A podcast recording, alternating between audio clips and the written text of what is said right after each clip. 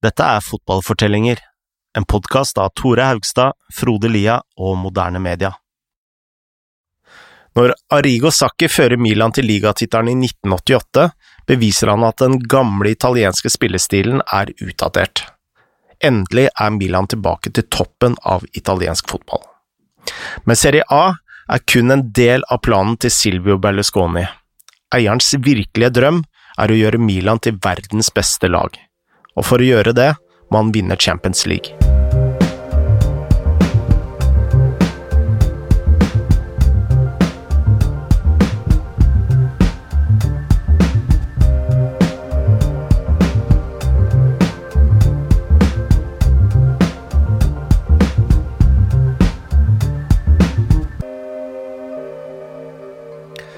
Sommeren 1988 planla Berlusconi å vinne Champions League.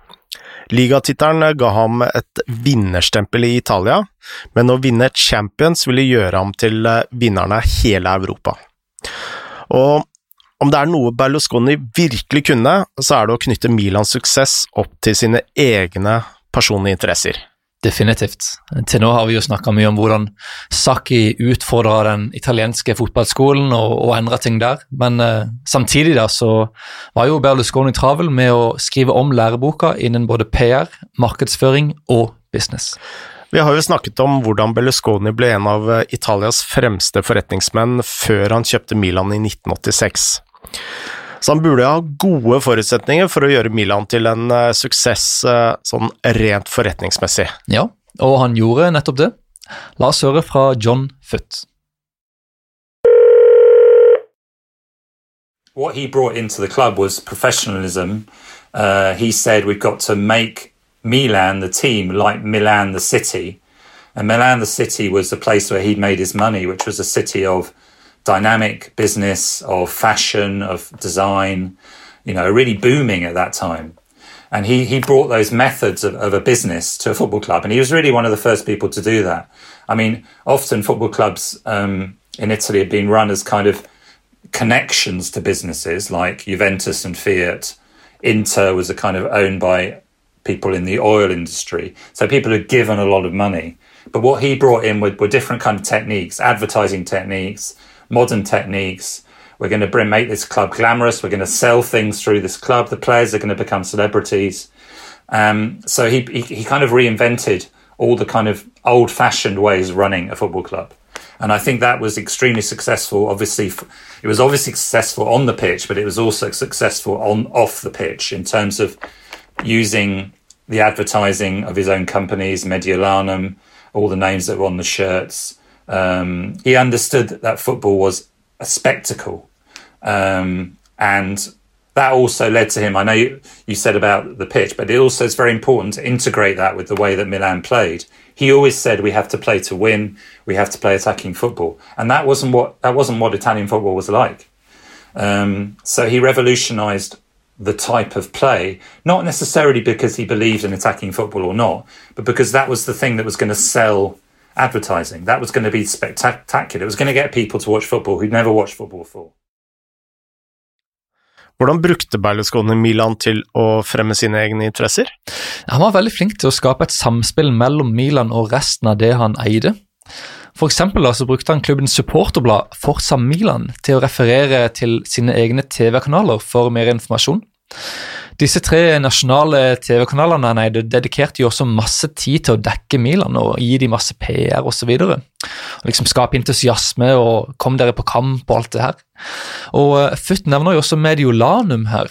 Um, Mediolanum var et forsikringsselskap hvor Berlusconi var en av de største investorene.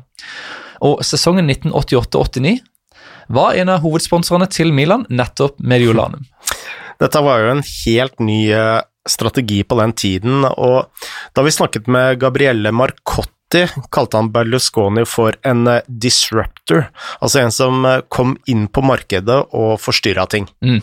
Berlusconi var liksom ja, banebryterne, tenkte alltid nytt, og Marcotti han vet jo hva han snakker om her. Han er vel eh, ja, en av Europas mest profilerte fotballjournalister. Det vil jeg si. Skrevet masse bøker og og så videre. Han har jo også skrevet jeg vil si den beste fotballbiografien jeg har lest, iallfall en av de beste, om Fabio Capello. La oss høre hva Marcotti har å si om Berlusconi. He was very much a disruptor. You know, we, we, we have that term about sort of disruptive, um, the, you know, the disruptive influences, disruptive companies in, in, in tech, and and that's what he did. Um, he wanted the reason he chose Arrigo Sacchi was because Arrigo Sacchi was different and thought different um, and played a different, more entertaining uh, brand of football. He was very, very big on on that idea. He he believed that you know having uh, a state of the art um, uh, state of the art training ground with state of the art facilities created a better work atmosphere and people would, would perform better. You know, not just obviously perform better physically, but also mentally. Um, he was very big on these. Uh, he was very big on these ideas. You know, translated through to building Milan's brand abroad. He opened a whole bunch of, of club shops, which um, you know all over Italy. Uh, which you know today we take club shops for granted, right? Everybody has one. But back then, nobody had one. Um, and he, he took the team on, on tours to different different parts of the world to raise brand awareness and so on. So this was all part of the impetus that was there, and and he encouraged people with new ideas. Marcotti sier at eh, Berlusconi var åpen for folk med nye ideer, men eh, han hadde også stor tiltro til sine egne ideer, eh, kanskje viktigst. Og dette var jo ikke alltid gode nyheter for Sacchi. Nei, den sommeren hadde han og Berlusconi det som ifølge Sacchi var deres eneste store krangel mens de var i Milan. De var jo enige om hvilken spiller de skulle kjøpe. Frem til da hadde italienske lag lov til å ha to utenlandske spillere i stallen, men nå var antallet økt til tre. Og Saki hadde selvsagt en klar mening om hvem den tredje spilleren skulle være. Ja, den sommeren hadde jo van Basten og Gullit vunnet EM med Nederland, hvor van Basten skårte den utrolige volleyen i finalen. Fra død vinkel? Helt utrolig mål. Og en annen som spilte på det laget, var jo Frank Rijkaard, en defensiv midtbanespiller som Sakki følte liksom ville passe perfekt inn i Milan. Da. Han hadde liksom denne blandinga av duellstyrke og teknikk og taktisk forståelse som Sakki ønska. Rijkaard uh, spilte lenge i Ajax, men uh, hadde kommet på kant med Cruyff i 1987, og ble da solgt til Sporting i uh, Portugal. Dessverre så kjøpte de ham for sent til å registrere ham for å spille kamper, så de måtte låne ham ut til Real Saragossa. Nå var han altså tilgjengelig, men Berlusconi ville heller ha en annen spiller som han trodde var den nye Diego Maradona. Ja, og her må vi jo forklare litt hva som hadde skjedd. Berlusconi hadde faktisk prøvd å kjøpe Maradona fra Napoli året før, i hvert fall ifølge Maradona sjøl. Uh, eh, han hadde vært villig til å liksom doble lønningene og betale Napoli omtrent hva enn de ville ha for Maradona. Uh, Maradona likte Berlusconi, men uh, han måtte liksom bare si nei, fordi altså, Maradona var en gud i Napoli, og, og, han turte egentlig ikke å tenke på hva fansen kom til å gjøre, hele byen kom til å gjøre, hvis han dro til Milano. Uh, Maradona sa faktisk at om han dro til Milano, ville både han og Berlusconi måtte forlate Italia. Men samme sommer hentet Berlusconi en lignende spiller. Ja, I 1985 hadde Berlusconi sett finalen i interkontinentalcupen mellom Juventus og Argentinos, som var gamleklubben til Maradona, tilfeldigvis. Der hadde han sett Claudio Borgi, en typisk sånn tier, da. Eh, trekvartister som liksom var teknisk og magisk og underholdende. Og ikke minst lat. Ja, han var ikke så veldig, var ikke så veldig hardtarbeidende. Um, men han ble kalt fotballens Picasso. Uh, og det var jo noe Berlusconi likte godt, så han henta Borgi i 1987. Problemet var jo at Milan allerede hadde van Basten og Gullit på den tida, så Berlusconi satte Bergi, eh, Borgi ut på lån. Og nå året etter, nå som det var lov med tre spillere, så ville Berlusconi ha han tilbake på laget. Ifølge Saki passet ikke Borgi inn eh, i laget i det hele tatt. Eh, Milan eh, brukte jo som kjent 4-4-2, så de hadde jo ikke plass til en, en typisk tier. I tillegg så pressa Milan ganske høyt, så de hadde heller ikke plass til en spiller som ikke klarte å presse. Altså, du måtte være på jobb. Ja. En dag kom Borger bort til Saki, og dette er en kjempe, kjempemorsom historie. Eh, eh, som jeg gleder meg til å fortelle. og den går som følger. eh, Borger sier da til Saki hvordan kan det gi mening å løpe kilometer etter kilometer etter kilometer når banen kun er 100 meter lang? Du kan tenke deg Saki himler med øynene, bare eh, snur seg i, i skam når han hører det her. Eh, Det gikk jo mot alt han eh, sto for som trener. Og spillerne på laget de var jo ikke dumme, de heller. De så jo at Borgi ikke passa inn i det hele tatt. Men vi har jo snakka om dette. Berlusconi han var jo en fotballekspert. Han hadde tro på at han visste mer enn noen andre. Han hadde jo tross alt trent en del juniorlag. Ja, ja, ja. Uh, også, men han hadde jo henta Saki også. Han, liksom hadde, han traff da noen ganger. Eh, så han sto på sitt, og uh, det ble da en krangel i løpet av sommeren. Men Saki var jo også veldig bestemt, og han måtte bare sette ned foten. Faktisk sa Saki at om han kom, bli, kom til å bli tvunget til å bruke Borgi, så kom han til å dra på ferie i et år. Han trua rett og slett med å forlate klubben. Ja. Og til slutt måtte bare Berlusconi gi etter. Borgi ble dumpa, og Milan kjøpte Rijkaard. Og Rijkaard var Milans eneste store signering den sommeren. Før sesongen hadde Milan gode forutsetninger til å vinne en ny ligatittel. Juventus eh, hadde ikke forsterket noe særlig, og Napoli, eh, der var det vel eh, det man kan kalle borgerkriglignende tilstander. Ja, de hadde jo kollapsa helt sesongen før. Det var stridigheter mellom treneren og laget. Og Den sommeren hadde fire spillere i Napoli gått ut offentlig og krevd at Napoli sparka Bianchi. Det er ganske drøyt. Um, Napoli, altså presidenten, uh, hadde sagt nei, vi kommer ikke til å sparke han. Uh, og han kasta heller ut de fire spillerne. Og Maradona, som var imot Bianchi, han var jo rasende på dette uh, og trua faktisk med å forlate klubben. Men det var jo et annet lag i Italia som mente business, og det var Inter. Eh, De hadde kjøpt eh, de to tyskerne Andreas Breme og Lothar Matthaus. Og med seiersmaskinen Trappatoni på benken så så det ut som de mente alvor. Milan eh, begynte ligasesongen med tre seire på fem kamper. De to unntakene var poengdelinger mot Juventus og Lazio, som egentlig ikke var så gærent. Men på de fem kampene slapp Milan inn kun to mål. Og det forteller noe om eh, Milans forse på den tiden. Da. Altså, det var nærmest umulig å, å score på dem. Og eh, når det gikk til Champions League, slo de Levski Sofia 7-2. Nesten håndballresultater. Ja, Det eh, var ganske klart veldig tidlig at Milan kom til å bli sterke igjen. Uh, og i det hele tatt så var jo dette en fantastisk tid for fansen å følge Milan. La oss høre fra John Foot, som bodde i Milano på den tida.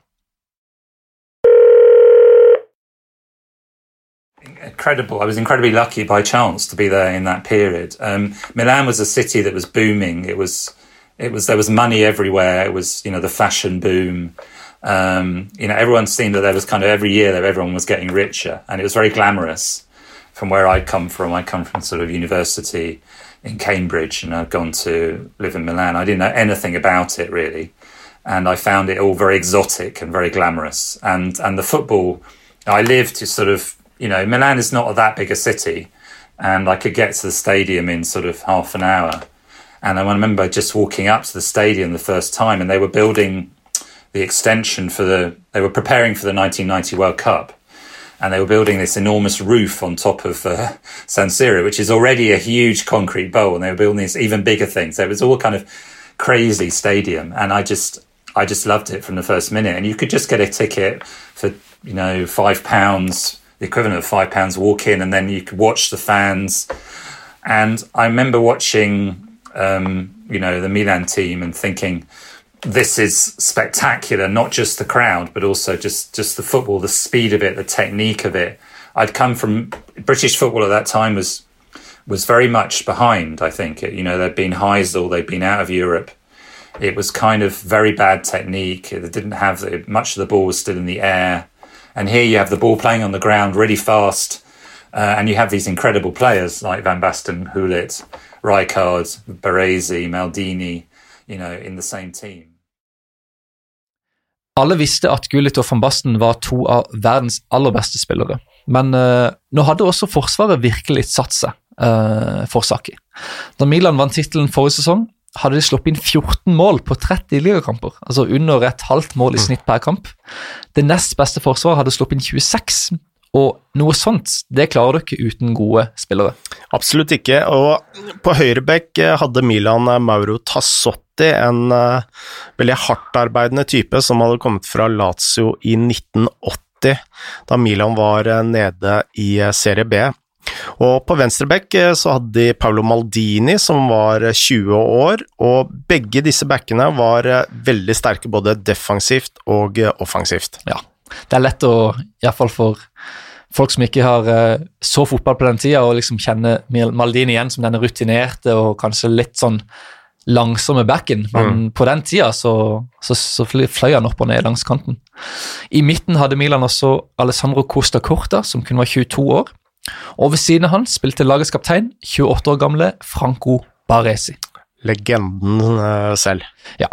Baresi var og er mytisk. Han sa ikke så mye, men uh, han var liksom alltid konsentrert, alltid på. Uh, skrudde ikke av i det hele tatt. Uh, han var utrolig sterk, han var smidig, god, med, god en mot en. Uh, Gullit sa at Baresi visste hva spissene kom til å gjøre før spissene visste det sjøl. Det var også Baresi som styrte offside-fella, og som satte standarden med hensyn til hardt arbeid.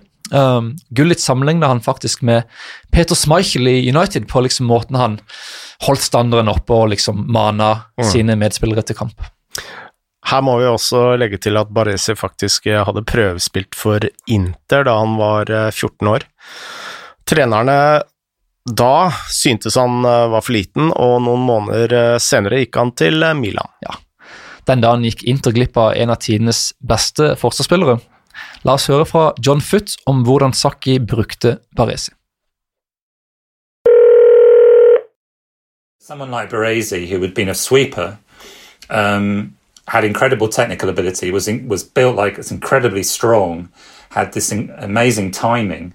He made him into a, a, central defender playing offside, and then if anyone tried to get past him, Baresi would just knock them down. You know, he would just like basically they wouldn't get past him. Um, but he also could do things like just run one from one end to the other with the ball.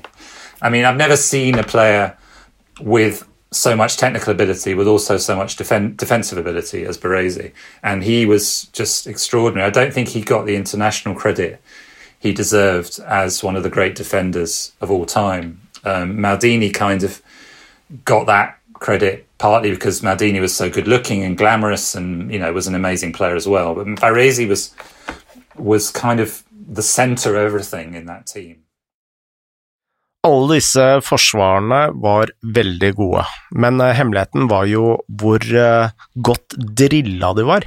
Ja, Baresi Maldini og Costa Corte hadde jo vært i Milan siden 70-tallet, enten på A-laget eller på akademiet. Eh, Tassotti hadde som sagt vært der siden 1980, så dette var jo fire spillere som kjente hverandre veldig godt. Og de spilte jo i det klart beste taktiske systemet på den tida. Ifølge Sakki fikk han besøk både Arsen Wenger og Gerhard Houllier på treningsfeltet denne sesongen. Og begge to sa at eh, de hadde aldri sett et lag jobbe så hardt som eh, akkurat Milan da. Nei, og eh, de var jo veldig grundige i måten de drilla inn uh, dette forsvaret og liksom bevegde seg fra side til side osv. Uh, Maldini sa i et intervju i 2015 at om han møtte sine tre forsvarskollegaer i dag, så kunne, de for, så kunne de fortsatt spille som de gjorde på 90-tallet. Altså Systemet var liksom helt fastbrent i, i hodet. Mm. Saki sa alltid at eh, systemet var viktigere enn eh, enkeltspillere. Og ifølge Foot eh, hjalp dette Saki til å få maksimalt ut av spillerne. And you have the kind of workhorses as well who who were interesting and what I mean in, in many ways that many of the players in that team were not that good. But what Saki did was he was able to mold together a number of players who were actually quite normal, like Ivani and players like that, who really you can't remember much that they did. um, but they were kind of the people who fitted into the system. he very much thought of a football team as a system. So it was interesting to see these players who were kind of mediocre or average becoming part of a really powerful team. Milan åpnet sterkt i hjemlig serie, men i Champions League var det ikke like lett. Champions eh, på den tida var jo rene utslagsrunder, så Milan eh, visste at én dårlig kamp kunne vært uh, kroken på døra. Ja, ingen feilmargin, og allerede i oktober møtte de røde stjernene i andre runde. Og du kan jo tenke deg det, sant? du har Milan kjempe stort, ambisiøst lag og seriemestere, så kan de liksom være ute av turneringa mm. i oktober. Uh, og uh, Røde Stjerne, dette var jo ikke noe kasteball i det hele tatt. To år før hadde de nådd kvartfinalen, hvor de hadde tapt mot Real Madrid på bortemål, så dette var et sterkt lag. I den første kampen på San Siro klarte Milan kun 1-1. Og i returkampen i Beograd vandret de inn i en skikkelig østeuropeisk eh, heksegryte. Etter en time ledet eh, Røde Stjerne 1-0.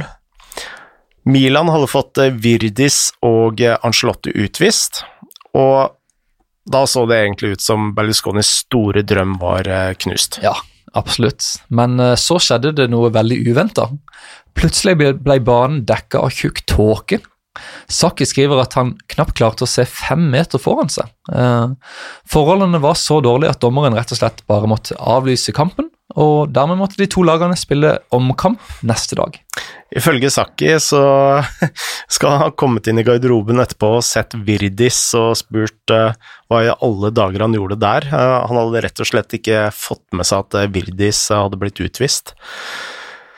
Hvis, Visstnok hadde uh, tåken vært så tykk da, at uh, det hadde hindra all sikt. Ja, det høres jo helt utrolig ut, men uh, hva enn som skjedde, da, så ble det uansett omkamp uh, dagen etterpå. Denne gangen ble det 1-1 til fulltid, før Milan sneik seg videre på straffespark. Snakk om å slippe med skrekken, si. Ja, det kan du trygt si. Samtidig kosta dette dramaet krefter. Hør nå. Etter dette vant Milan kun én kun én av de neste åtte kampene. Ja, og det er jo helt utrolig for et sånt lag. Uh, og Saki skrev jo da om hvor vanskelig det var å spille disse utrolig tunge, som mentalt sett tunge utslagsrundene gjennom hele sesongen, og samtidig skulle holde farta oppe i hjemlig liga. Mm. Men det var også en annen faktor her som sto bak Milans problemer i Serie A. La oss høre mer fra Gabrielle Marcotti. Saki's football was profoundly innovative, uh, but there was a flip side to it. It was incredibly demanding of the players. Um, and so, what would sometimes happen is they simply couldn't perform at a high level, or they couldn't perform to Saki's level week after week. So, it wasn't a team that was built built really to be con, uh, consistent. You know, they could hit really, really high highs, but it was so demanding on them that when they weren't at that really high level physically, um, they weren't quite as competitive as as they should have been. Um, and like I said, there was a lot of there were a lot of good teams in Serie A, and whenever Milan weren't on top of their game, whenever they weren't able to go and overwhelm the opposition, um, other clubs successfully took points off them. Innen 9. januar lå Milan på syvendeplass, ti poeng bak eh, Inter. Milan var også ute av Coppa Italia, så de hadde i praksis kun Champions League å spille for. Ja, um, og de klarte seg faktisk ganske bra i ligaen sånn over vinteren, selv om de kanskje ikke hadde så stor sjanse til å ta tittelen. Så eh, da de skulle møte Werder Bremen i kvartfinalen i Champions i mars, så var de i god form. Og dette var jo et eh, veldig godt eh, lag på den eh, tiden. Altså, de hadde vunnet Bundesliga sesongen før, de hadde ringreven Otto Rehagel som trener, og ikke minst Rune Bratseth, elgen i Forsvaret. ja, du tulla ikke med Ferd og Breven på den tida. Og Milan de klarte kun 0-0 på bortebane. Så på hjemmebane så sleit de seg til 1-0 takket være en tvilsom straffe fra Van. I april var det da duka for eh, semifinale. Der møtte de selveste Real Madrid, Og for de som har hørt eh, sesong én av eh, Fotballfortellinger, altså historien om El Clásico, så er dette laget ganske kjent. Absolutt. Dette var en av de sterkeste lagene i Real Madrids historie, og et lag som egentlig fortjener en større plass i historiebøkene internasjonalt sett enn det de har fått. De fikk kallenavnet La Quinta del Bytre, altså Gribbens lag, noe som kom fra Emilio Butragenio, denne lokale spisshelten da i Madrid, som ble kalt Gribben. Real Madrid hadde også en spiller som het Michel, for ikke å snakke om Bernt Schuster og den meksikanske målmaskinen Hugo Sanchez. Dette er legendariske navn i spansk fotball. Real Madrid hadde vunnet La Liga tre år på rad og skulle vinne de neste to. I denne sesongen skulle de tape kun én av sine 38 ligakamper og skåre 91 mål.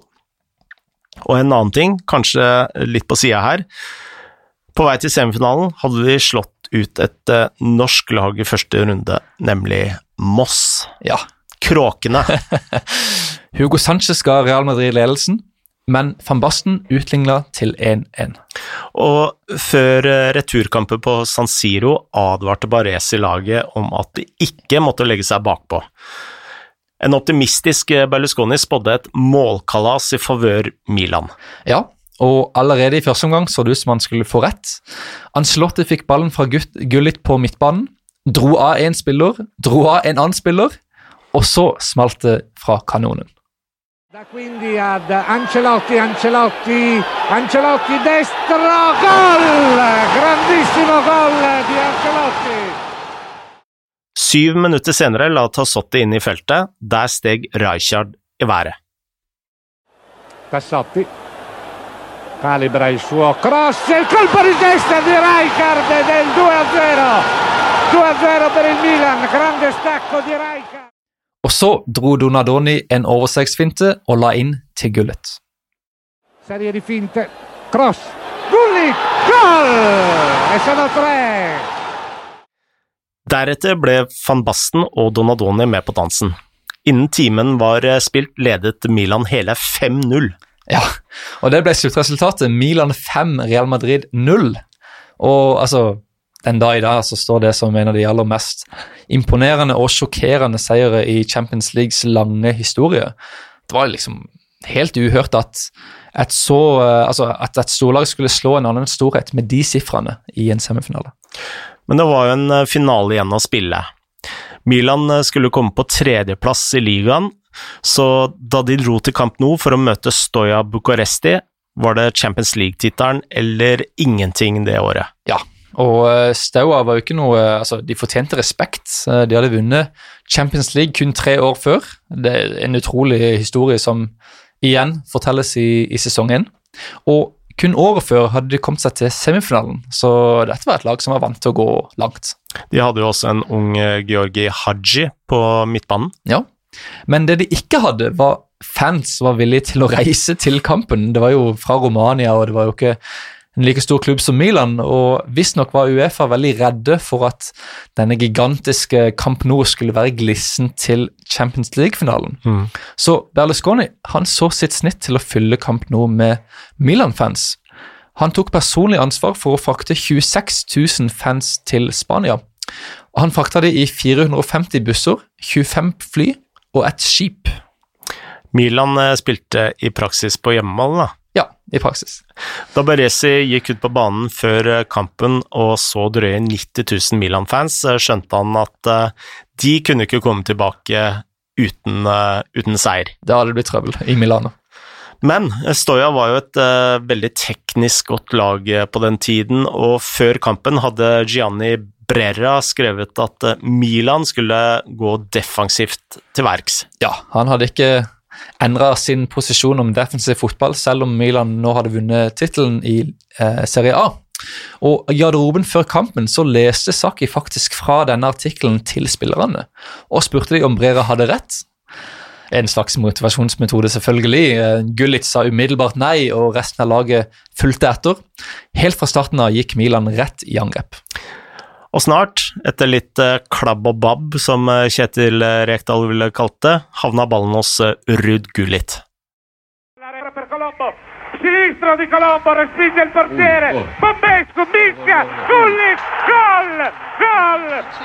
Gullit! Igjen var Milan utilnærmelige.